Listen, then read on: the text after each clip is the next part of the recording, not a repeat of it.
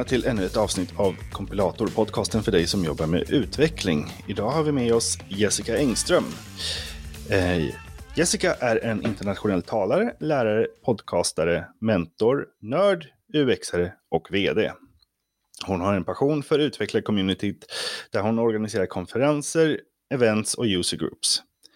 Det var bland annat denna passion som har gett henne utmärkelsen Microsoft MVP inom Windows Development sex år i rad. Hon började i utvecklarvärlden men insåg ganska snart att det var användarupplevelsen hon brann för. En sak som hon är säker på att hon aldrig blir fullärd och det är därför hon kontinuerligt lär sig nya saker, researchar och tränar med några av världens skickligaste personer.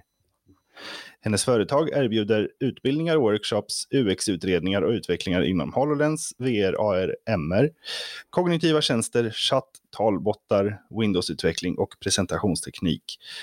Välkommen till kompilator Jessica Engström. Tack så mycket. Jätteroligt att ha dig med. Eh, användarupplevelsen är något som du brinner för nu. Ja. Eh, hur kommer det sig? Alltså det började, alltså jag började i utvecklingsbranschen, jag tror att, jag, jag tror att det är 20 år sedan, gissas vad tiden går snabbt. Men det var runt den tiden som Microsoft kom ut med vad som då kallades Metro Design Language, som sen hette Microsoft Design Language. Jag tror att det var någon gång 2006 omkring som eh, den här musikspelaren Zoon kom ut. Eh, iPod liknande eh, apparat. Helt fantastiskt UX. Jättesnygg var den, eh, men den kom aldrig till Sverige tror jag. Och sen fortsatte de jobba på det här eh, designspråket. Så 2010 så annonserades eh, Windows Phone. Och det jag märkte var att min mamma som är väldigt oteknisk, hon kunde helt plötsligt förstå vad som hände när hon tryckte på en knapp för att det var väldigt tydligt designspråk. Klickade hon på ett kuvert så kunde hon läsa sina mejl. Ehm, alla de här sakerna som, som sen kom över till Windows 8 också, vilket gjorde att hon helt plötsligt satt och hängde på internet. Hon skapade Facebookgrupper, hon började ha en hjälpgrupp som hon själv administrerar för spel eh, på Facebook och, och så vidare. Då, då, det var då det klickade, liksom bara det är det här. Vi får inte glömma att det finns en användare och det ska vara lätt att använda. Det var, det var där någonstans jag insåg, det här är min passion. Jag gjorde en liknande resa, eh, för jag inriktade mig faktiskt på människa-datorinteraktion, hette mm. det i mitten på 2000-talet. Eh, nackdelen var att Eh, jag började plugga det ungefär samtidigt som iPoden kom ut. Så, så eh, allt folk ville prata om var det här snurrhjulet som iPoden hade. Mm. Det, var, det var liksom... Eh, alla prototyper som man gjorde skulle ha något snurrhjul och liksom något, något, något fancy eh, interface. Eh, när det, så här i efterhand så är det snarare det som du fick insikt om, som, som jag önskar att jag hade fått det, att det, liksom det är slutanvändaren som är mm. det viktiga. Det heter UX nu för tiden, Eh, men när jag, då hette det människa-datorinteraktion. Vad, vad, vad, står UX för? Alltså det är ju ett jättestort eh, område och det, det är väl lite grann där vi har skapat en problematik för oss själva. För som du säger, det människa-datorinteraktion, det är eh, psykologi, det är hur man navigerar, det är kognitiv vetenskap. Vi pratar hormoner och liksom vad som händer i hjärnan. Det, det är så stort. Men det är en eh, kille som heter Peter Morville som har tagit fram en, eh, ett hexagondiagram som förklarar vad UX är ganska bra tycker jag. Han, han säger att ett, för att ett UX ska vara meningsfullt och en användarupplevelse av värde så måste informationen uppfylla sju saker. Nu översätts det lite spännande, men eh, vi, vi, vi får leva med det tror jag. Eh, de sju sakerna är useful, eller användbar. Eh, så att innehållet bör vara originellt och uppfylla ett behov. Vi ska inte bara stoppa dit den här rullhjulet för att det är det senaste coola, liksom, utan det måste finnas en anledning. Det ska vara usable, vilket jag antar också blir användbar. Sidan ska vara lätt att använda. Den ska vara desirable, eller åtråvärd. Eh, både bilder, din, din företagsidentitet, ditt varumärke, alla designelementen används för att väcka känslor och uppskattning på själva sidan eller appen som vi har. Vi har eh, findable, eller sökbart. Eh, hittbart kanske, jag vet inte. Finns det någon bra översättning på findable? Nej, vi får köra på den tror jag. Upp, upp, upptäckningsbar kanske? Upptäckningsbar, det är ett bättre ord. Så innehållet måste vara navigerbart och lokaliserbart så att användarna faktiskt hittar det de, det de söker. Den ska vara accessible, eller tillgänglig. Den ska vara tillgängligt för personer som har olika funktionsvariationer. Vi är inte lika. Och den ska vara credible, eller trovärdig. Vi måste kunna lita på och tro på vad det är hemsidan eller appen försöker att förmedla. Så det ganska många saker som ligger bakom användarupplevelsen. Men vad det inte handlar om är bara designen, bara hur snygg den ska vara. Jag skulle nästan säga tvärtom, för när, när jag tänker på UX så jag, jag tänker handritade lådor med kryss i. Det, det, det, det är en del av det. Ja. Eh, prototyper, snabba iterationer för att liksom, testa vad som funkar och vad som inte funkar. Eh, men, men eh, ja, UX brukar det känns som att det brukar hamna liksom i, i design. Ja. Eh, delen av spektrumet. Ja, men jag håller inte riktigt med om att det bara hamnar där. Det, det är klart att det hamnar lite grann där också. Men för mig så är ett bra UX, det är de apparna som bara funkar, som du inte behöver tänka, utan de bara funkar. Ehm, det spelar ingen roll hur snygg din app är om den inte är användarvänlig. Om den inte är lätt att använda, då kan den vara hur snygg som helst, men det kommer inte att hjälpa användaren att förstå vad det är de ska göra. Det, det finns, ehm, det är ju som sagt hur stort som helst, men det finns en, ehm, ett sätt att dela in UX i ehm, fyra stora huvudgrupper. Och där någonstans tror jag att det du pratar om kommer in, för vi har en experience strategy där UX inte längre handlar om bara slutanvändaren utan även hur det kan tillgodose både kundens behov av att tjäna pengar eller downloads eller vad det nu är de har för huvudsyfte. Ehm, men så att det, det både gynnar användaren och företaget så att säga. Sen har vi interaction design och det är där vi tittar på hur användare interagerar med ett system. Eh, klickar den på den här knappen eller hur funkar sidavgångarna och animationerna? Eh, och här försöker man skapa det som vi kallar intuitiva mönster för att göra det så enkelt som möjligt att utföra de viktigaste uppgifterna och åtgärder. Sen har vi user research och där det handlar, allting handlar om att försöka lösa problem och, och hitta de här lösningarna och problemen kräver ibland lite forskning höll jag på att säga, men, men vi, vi, måste, vi måste verkligen sätta oss in i vad det är som egentligen händer och vad det är som egentligen kanske hade kunnat vara ett bättre sätt att arbeta på. Så att det blir tillgängligt och lättanvänt. Um, hur navigerar användaren? Var, var svär de någonstans? Vad kan vi lösa för problem? Um, och det här måste vi titta på relationerna mellan olika uppsättningar av innehåll. Vi, vi um, tittar också på vad det är för språk som används och ser, förstår vi att free trial betyder att du får gratis prova eller som i vissa fall det översätts till fri rättegång, det kanske inte är det bästa. Um, och då har vi um, till sist en information architecture och där, där eh, hör man lite grann på namnet, det handlar om information. Vi behöver titta på eh, all informationen som finns på hemsidan, behöver vi ha allt på en gång? Är det lätt att konsumera? Hur delar vi upp det för att det ska vara konsumerbart? Eh, och de här stora fyra huvudkategorierna, de har dessutom en hel drös med underkategorier. Så att det handlar inte bara om designen, det handlar inte bara om psykologi, det handlar inte bara om kognitiva beteenden eller prototyper, det handlar om alltihop från början till slut. Så det är verkligen jätte, jättestort. Det, det, det lät ju som att man kan fylla ett helt företag med, med alla de här rollerna som, som du har räknat upp.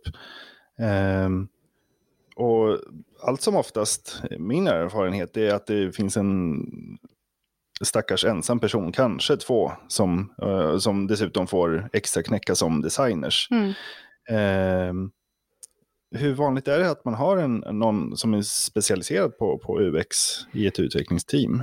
Alltså det, det börjar bli lite vanligare eh, när folk eh, eller företagen inser hur, hur stor betydelse det har. För det, igen, det spelar ingen roll hur bra idé vi har eller hur snygg appen är om den inte är användbar. Då kommer vi att förlora downloads eller vad vi försöker sälja. Och då kanske de går över till konkurrenten istället. Men det är långt ifrån alla teamen som har UX-resurser, precis som, som du säger. I, ibland tar man in en eh, tillfällig eh, UX-are för att bara göra en utredning, vad är det vi behöver och sen så tar utvecklarna över. Och då, då kan det falla på utvecklarna och lyfta upp eh, de här sakerna. Eh, jätteofta så eh, när jag är ute hos kund och ska göra en UX-utredning och då pratar vi om den funktionaliteten som behövs. Eller funktionaliteten, vad, hur kan vi förbättra det här? Kan vi plocka bort ett par steg i den här processen för eh, användaren? Och väldigt ofta så tror de i början att UX och UX-design, som det ibland kallas, är att de kommer att få färdiga eh, Photoshop-mallar eller, eller Indesign-mallar och eh, ha det på plats eh, efteråt. Och det är inte det jag gör. Däremot så kan man göra det. Det är lite grann som, som vi har inom utveckling. Vi har en eh, .NET-utvecklare eller en front-end-utvecklare eller eh, vi, vi, kan ju vara fullstack-utvecklare men oftast är man bra på en viss eh, viss sak. Vi kanske är webbutvecklare och är specialiserade på det. Och det är samma sak inom UX-världen. Säg att, att, att eh att man är ett utvecklarteam eh, och så ska man ta fram en ny produkt eller så ska, vill man förbättra användbarheten på sin nuvarande produkt. Men det finns inte i budgeten att ta in en UX-person. Vad kan utvecklingsteamet själva göra då? Eh, ja, de, eh, de, kan ha en bättre chef. Nej, skämt åsido, det är inte, det är inte så den riktiga världen, eh, världen ser ut tyvärr. Eh, det man får försöka förmedla är ju dels att se att det kanske finns ett mervärde, inte bara att, att titta på det kostar pengar för oss att göra ta in en UXare, det kostar pengar att eh, göra en utredning eller vad det nu kan vara för någonting som vi behöver göra. Men det kostar också pengar att ha ett eh, ooptimalt användarflöde. Eh, det, det, kan vara att eh, vårt interna system är, är lite långsamt. Vi behöver vänta 15 sekunder i onödan varje gång vi använder det. Och använder vi den här applikationen eller säljstödet eller vad det kan vara för någonting, om vi använder det två gånger om dagen och vi är medelstort företag på 200 anställda, då är det helt plötsligt de här 15 sekunderna 600 timmar, arbetstimmar per år som vi slösar bort på absolut ingenting för att vi tyckte att det är inte värt pengarna att vidareutveckla det här eller tänka på användarupplevelsen. Och då börjar vi prata i riktiga pengar, vilket kanske ibland krävs för att utvecklarteamet ska få de här resurserna. Vi måste tänka på båda hållen, inte bara på användaren utan även på finns det någonting vi kan tjäna på eller någonting som vi förlorar genom att ha det så här.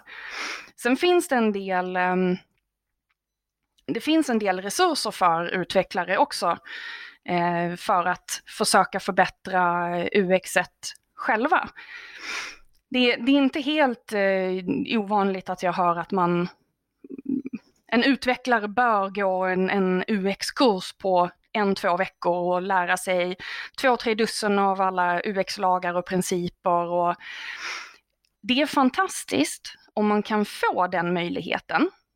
Men i min erfarenhet så kan det vara ganska svårt att få igenom två veckors utbildning när det inte är någonting direkt som är kodrelaterat om du förstår vad jag menar. Ehm, har de inte resurserna att ta in en UX-are så kommer de antagligen inte skicka hela avdelningen på två veckors utbildning heller. Ehm, det jag har eh, kommit i kontakt med som jag tycker är fantastiskt för utvecklare är ett UX-system som heter Tenets and Traps. Eh, och det, det, är någonting som jag högt rekommenderar till utvecklare. Det fick eh, min, min man Jimmy att gå från eh, inte optimalt UX till att bara rocka järnet ett par år senare med hjälp av det här. Det påminner lite grann om eh, solidprincipen att vi har några saker vi bör hålla oss till. Inte framtaget för utvecklare men det passar väldigt, väldigt väl.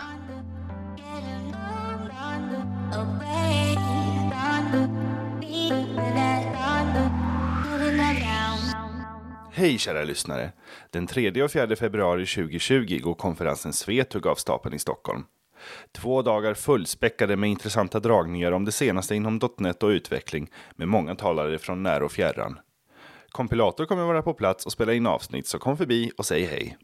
Biljetter finns till salu nu. Skynda dig att få tag på din på www.svetug.se innan de säljer slut.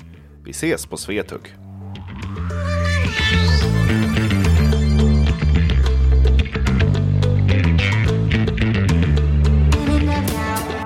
Tenants and Traps. Eh, lagar och fällor, kan man, kan man översätta det så? Är det, ja. är, det, är det en bok eller en kurs eller var, var kommer det ifrån? Tenants and Traps är ett eh, utvärderingssystem för ditt användargränssnitt. Det kan användas för att bättra, förbättra kvaliteten på våra UI och UX redan i planeringsstadiet om vi vill. Eh, men också under alla våra iterationer eller och eller i efterhand som en eh, testfas. Det är mm, två män som ligger bakom som heter Michael Medlock och Steve Herbst. De eh, jobbade tidigare på Microsoft UX Research Team. Eh, numera tror jag att Michael jobbar på Oculus VR och Steve jobbar på Amazon Video tror jag, på UX-avdelningarna där. Men det de märkte, Microsoft är ju så stort företag, och de har olika utvecklingsteam och alla hade samma regler, samma designprinciper. Men resultatet blev ändå lite olika när de kom tillbaka med, från de olika teamen. Och de började undra, liksom, men vad är, det, vad är det vi säger som inte går in? Varför skiljer det sig när det kommer tillbaka? Och det de insåg var att det finns olika sätt att tolka många av de här UX-reglerna och verktygen som gör att om, om jag kallar någonting för eh, intuitivt så behöver det inte betyda att du tycker att det är lättanvänt. Det ser vi ju typexempel på när en eh, Mac-person försöker använda en PC eller tvärtom, eller Android och, och iPhone till exempel. Det jag tycker är jätteenkelt kanske någon annan tycker är jättesvårt. Och då kan det ju vara så att jag har ju faktiskt lärt mig det här systemet och alla gester och standarder som finns där. Men om du använder en annan plattform så blir det inte så självklart i alla fall. Så de försökte råda bot på det här och började analysera vad de olika UX-verktygen, alla böckerna, researchen, lagarna egentligen försökte säga. Så de kokade ner det här till eh, 9 stycken tenets och 26 stycken traps. Och en tenet är en eh, bra sak när det kommer till eh, design. Som eh, till exempel finns det en tenet som heter eh, responsive. Det finns en som heter comfortable. Och vi bygger våra UX eller våra system eh, med de här tenets eller pelarna eller vad vi vill kalla dem Ehm, i grund så får vi en bra användarupplevelse. Och traps, det beskriver vanliga problem som kan uppstå som drar ner allt det här som är bra. Så i princip om vi tar bort fällorna så kommer användarupplevelsen att bli bättre. Så alla tenets har minst en sak som degraderar den. Ehm, det finns eh, ett till nio olika fällor per, eh, per tennet. Det, som, det som jag tycker är så fantastiskt bra just för utvecklare är att förutom att det är nedkokat för så många superbra heuristiska verktyg, UX-lagar och research, så är det skrivet med talspråk. Där är inget fluff, inga känslor och inte för mycket utrymme för eh, tolkningar. Och det separerar också de positiva attributen från de negativa på ett tydligt sätt, vilket gör att om vi hittar ett problem så förstår man också vad orsaken är till den och kan fixa problemet. Lite if this then that. Inte fullt ut, men det är, det, det är lite grann det um, vi har att jobba med här. Och det här systemet är ehm, en kortlek. Så varje kort har en eh, beskrivande text på ett problem. Och på baksidan så får man se ett riktigt exempel på när det här eh, kan ha varit ett problem. Så det finns ett ehm, UX, eller eh, ett, ett exempel från, från en app eller en hemsida.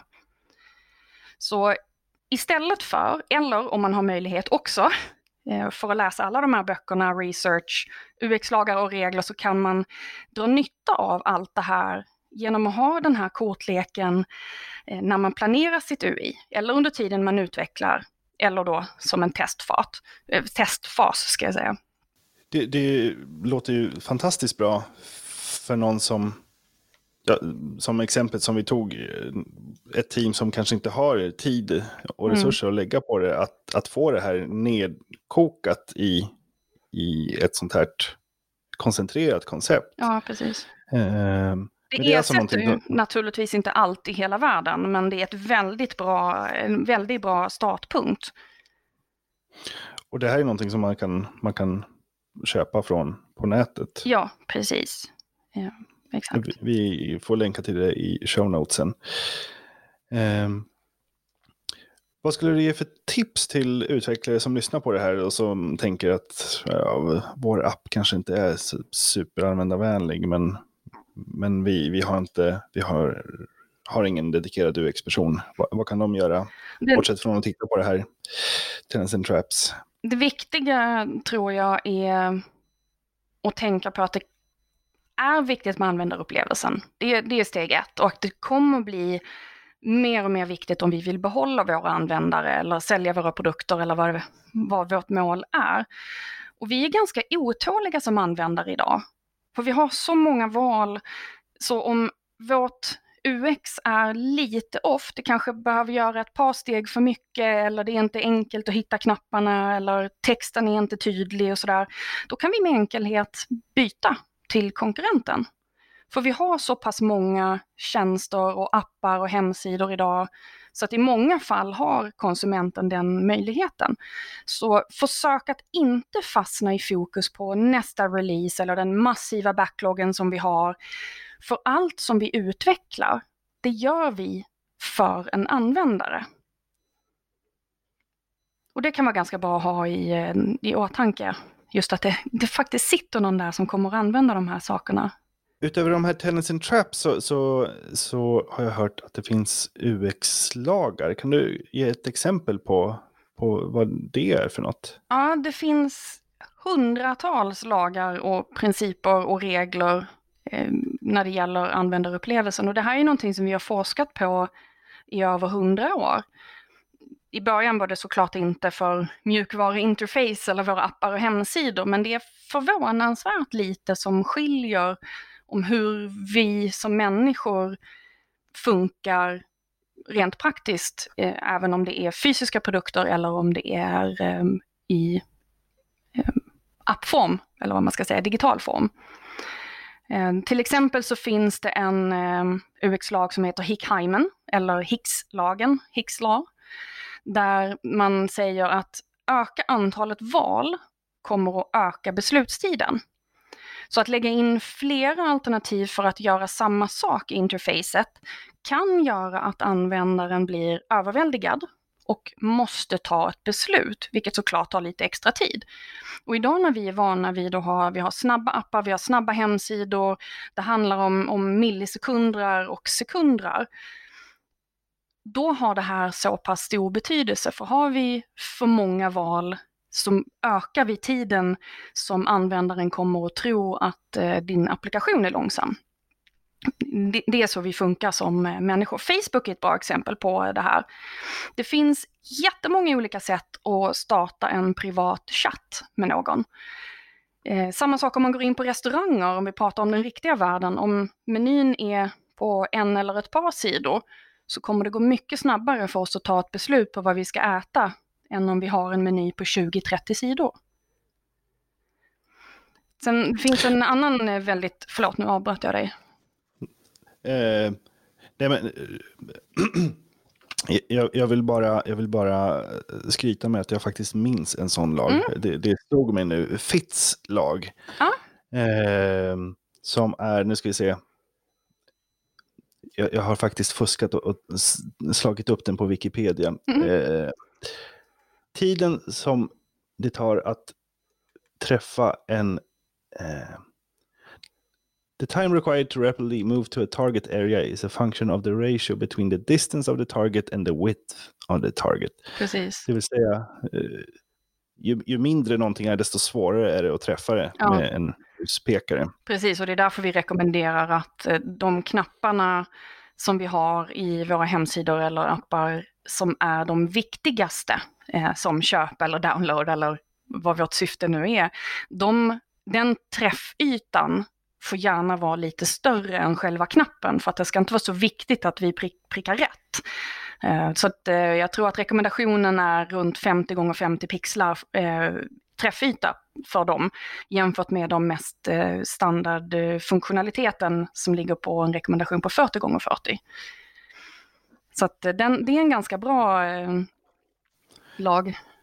Jag, jag minns att jag säkert tio år sedan läste någon artikel att Amazon dessutom hade de hade en aria runt omkring sina kritiska knappar som var liksom större. Mm. Så att även om man, eh, speciellt i menyerna, så hade de gjort en massa magi. Så att den, den klickbara ytan var faktiskt större än vad man såg, så att man alltid skulle hamna rätt. De, de hade väl gjort jättemycket research mm. runt det, men, men det, var, det var just en sån lag som låg bakom det. Det är definitivt Fitzla, för om vi måste så finlira för att försöka pricka en knapp, då, då är det inte enkelt att använda längre. Ehm, vi ska inte behöva tänka på att göra de här viktiga sakerna utan bara pricka ungefär. Det är lite grann så som våra tangentbord funkar på mobilerna. Ehm, träffytan där är ju väldigt, väldigt liten om vi tittar bara på själva, eller den, den visuella knappen är väldigt, väldigt liten. Men där ligger det väldigt mycket AI bakom brukar, eh, brukar man skriva ett A efter ett S ofta till exempel. Så att själva prickytan eller touchytan ökar beroende på vilka bokstäver vi eh, trycker på och i vilken ordning. Det är också en sån här väldigt intressant sak, för att annars hade vi inte klarat av att skriva på de tangentborden. Jag, jag, har faktiskt misstänkt, och nu har du bekräftat det, men jag har misstänkt att det var så. För om man försöker skriva ett ord som inte finns i ordlistan och hittar på ord så vill den oftast autokorrigera till mm.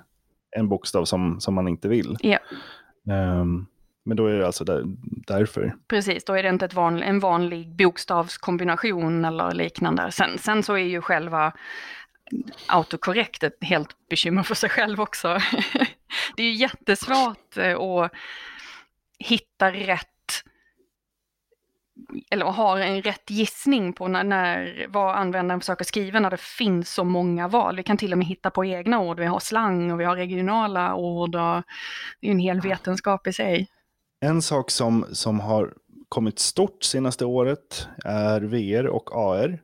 Och där kan jag tänka mig att det finns jättemycket jobb att göra mm. när det gäller just användbarhet. För att det, det dels så är det mycket mer eh, omedelbar feedback jämfört med en dator. Jag, jag vet, på mitt första jobb så jobbade jag på Tobii och höll på med ögonstyrning. Mm.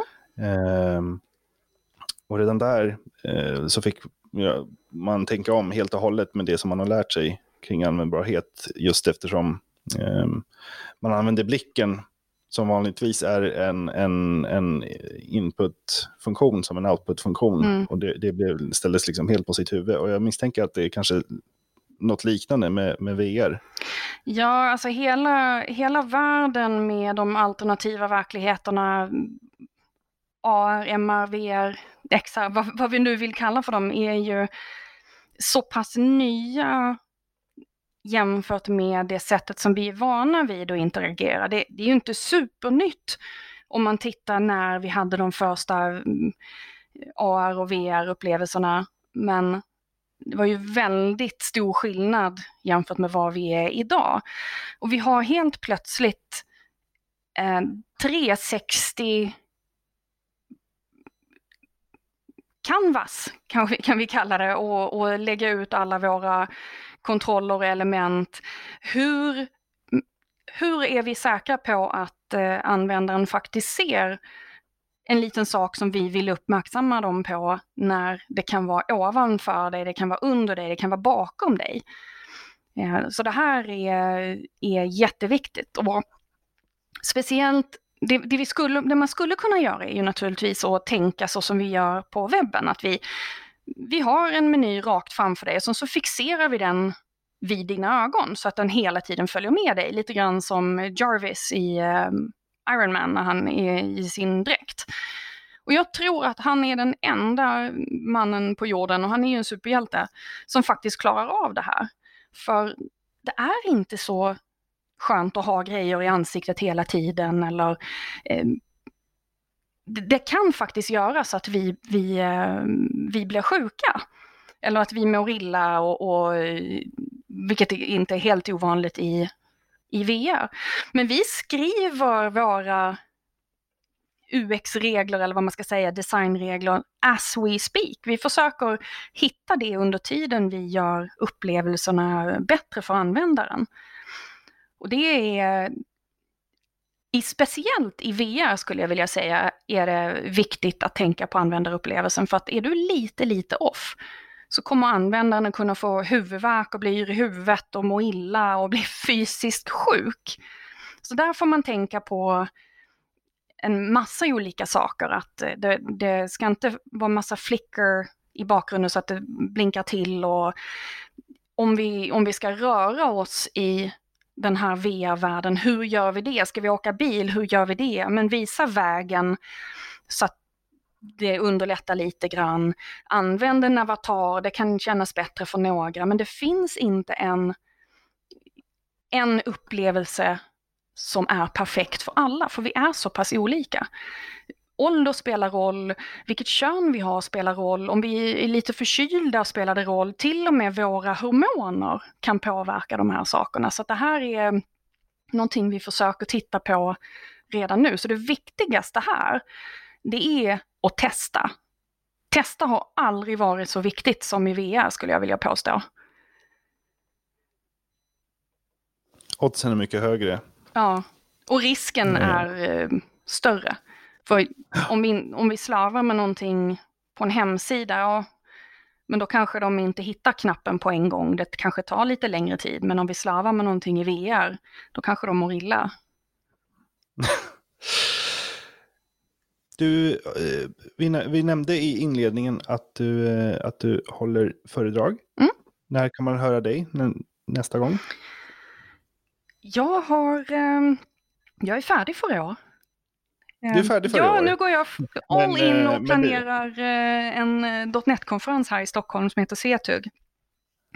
Så Just att, jag, jag kommer att köra lite Scrum och lite UX för utvecklare på en skola som jag undervisar i. Men annat än det så har jag tagit det lite lugnt på sistone med planeringen för att och, ut och föreläsa. Mm. Och Svethugg eh, är alltså konferensen i Stockholm som vi även puffar för här i Kompilator. Och Kompilator kommer att vara på plats där Eh, 3-4 februari 2020. Stämmer bra. Biljetter finns på svetug.se. Eh, och vill ni, vill ni träffa kompilator eller om ni vill träffa Jessica så in och köp biljetter så, så ses vi där. Helt enkelt. Jessica, tack så jättemycket för att du ville vara med och prata. Tack själv. Och eh, vi ses snart igen. Ha det fint! Du har lyssnat på ett avsnitt av Kompilator, podcasten för dig som jobbar med utveckling. Du kan hitta tidigare sända avsnitt på kompilator.se eller genom att söka på kompilator där du hittar dina podcasts. Kompilator produceras av Bartek Tatkowski och BRTK Digital AB. Läs mer om oss på brtk.se.